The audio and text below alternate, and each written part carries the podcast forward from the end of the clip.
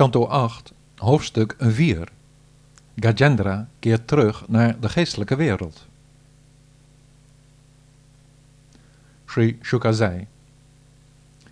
Daarna, toen Gajendra was bevrijd, strooiden de goden, de rishis en de zangers van de hemel, onder leiding van Brahma en Shiva, bloemen uit in hun waardering voor dat wapenfeit van de Heer. In de lucht weerklonken pauken, de Gandharva's zongen en dansten en de heiligen, de aanbiddelijken en de vervolmaakten brachten hun gebeden voor de allerhoogste persoonlijkheid van God. Op dat moment nam de krokodil de hoogst wonderbaarlijke gedaante aan van Huhu, de beste van de Gandharva's, die, nu hij was bevrijd van een vloek uitgesproken door de wijze Devana, met zijn hoofd voorovergebogen zijn eerbetuigingen begon te brengen aan de allerhoogste eeuwige meester, geprezen in de verzen, en vervolgens de glorie bezong van zijn bovenzinnelijke avonturen en kwaliteiten. De genade van de Heer genietend, omliep hij hem onder het betonen van zijn respect, en keerde hij vervolgens, verlost van alle zonde, voor ogen van een ieder terug naar zijn verblijfplaats.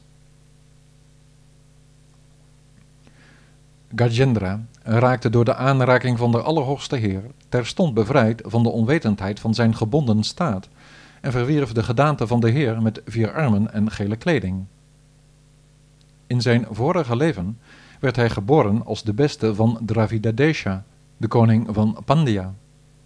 Bekendstaande als Indrajuna, zwoer hij bij Vishnu als zijn uiteindelijke toevlucht. In dat leven had hij, toen de tijd voor zijn boete was aangebroken, met de grootste zorg de gelofte van stilte afgelegd en volbracht hij met samengeklitte lokken zijn verzaking in Kulachala, de Malaya-heuvels, waar hij zijn ashrama had. Op een dag was hij, verzonken in zijn liefde voor de Allerhoogste Meester, de onfeilbare Heer, aan het vereren. De vermaarde Agastya, omringd door zijn discipelen, arriveerde daar toen op eigen initiatief en zag hem stil alleen zitten mediteren zonder hem behoorlijk te verwelkomen. Daar werd hij zeer kwaad over. Hij vervloekte hem toen door te zeggen: Deze diepgezonken ziel, zo onvriendelijk en onverschillig van geest, veracht mij als een Brahmaan. Moge hij in duisternis belanden als een olifant die maar traag van begrip is.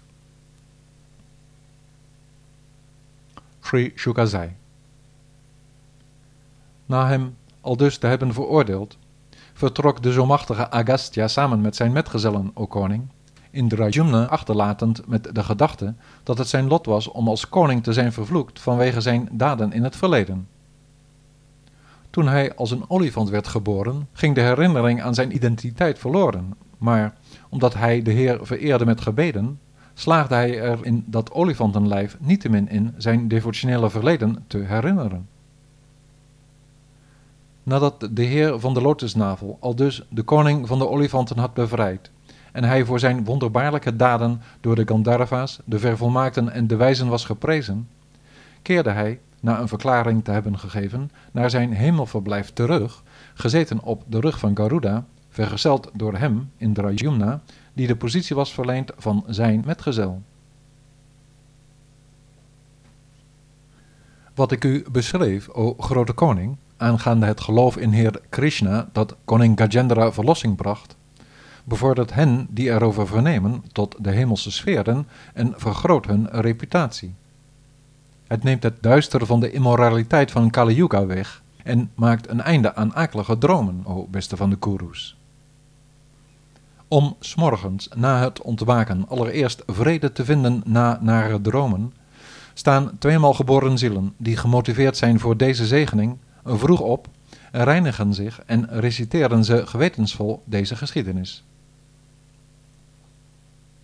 Dit is wat de grote Heer die alles doordringt tevreden gesteld in het bijzijn van iedereen tegen Gajendra zei, o beste van de Kuru-dynastie.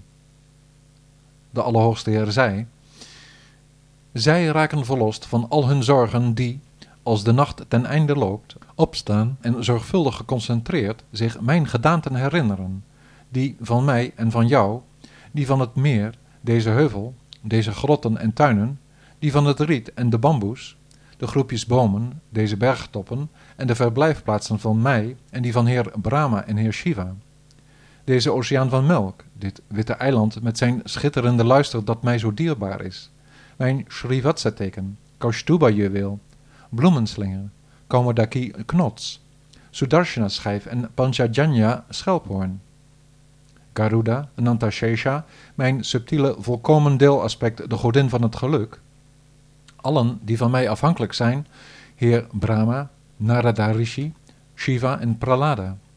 Mijn Matsya-incarnatie, Kurma, Varaha, de andere avatara's en mijn talloze goedgunstige handelingen. De goddelijkheid van de zon, de maan en het vuur, de Omkara mantra, de absolute waarheid en het ongemanifesteerde van het universum.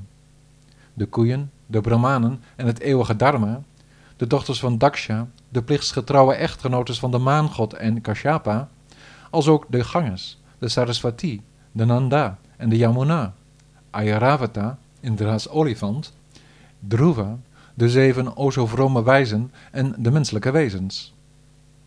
Mijn beste, zij die al dus voor mij hun gebed doen als ze opstaan aan het einde van de nacht, zal ik de eeuwige bestemming verlenen, zo gauw ze hun laatste adem uitblazen. Sri Shuka zei. Nadat Rishikesha dit had verklaard, blies hij, tot het genoegen van de schaarde halfgoden, op zijn schelphoorn, de beste van de zee, en klom hij op de rug van Garuda.